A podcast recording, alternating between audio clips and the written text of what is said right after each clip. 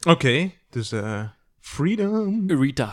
Ja, en heel ho- oh, ik vind dat heel goed. Dat die, ze, ze haalt daar echt haar de vocale ultimum. En gospel-invloeden zijn wel eh, dubbel en dik erin gezet. Ja, ja, ja. Zo. Maar dat, is, allee, dat kan, hè. dat is mooi. Maar zij, allee, ik, zei, ik zei ook juist tegen Jan Vooral Oh, die Specht van... stem, jong. Ik had zo de indruk dat ze zich qua energie kan vergelijken met James Brown.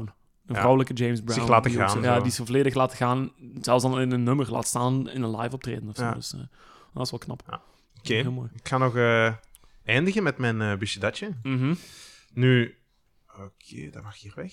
Ehm, ik zei dat ze uit een muzikale familie komt. ja. Maar weet je ook dat ze een zus heeft? Ah nee, Irma Franklin. Irma. En die Irma Franklin is absoluut niet zo bekend als Rita Franklin. Maar Ja. je gaat ze wel ergens van kennen. Ze heeft een nummer origineel ingezongen. Ja. waar we het al eens over hebben gehad daar straks. Zijn je daar klaar voor? Ik ga het eens opzetten, hè. Ja.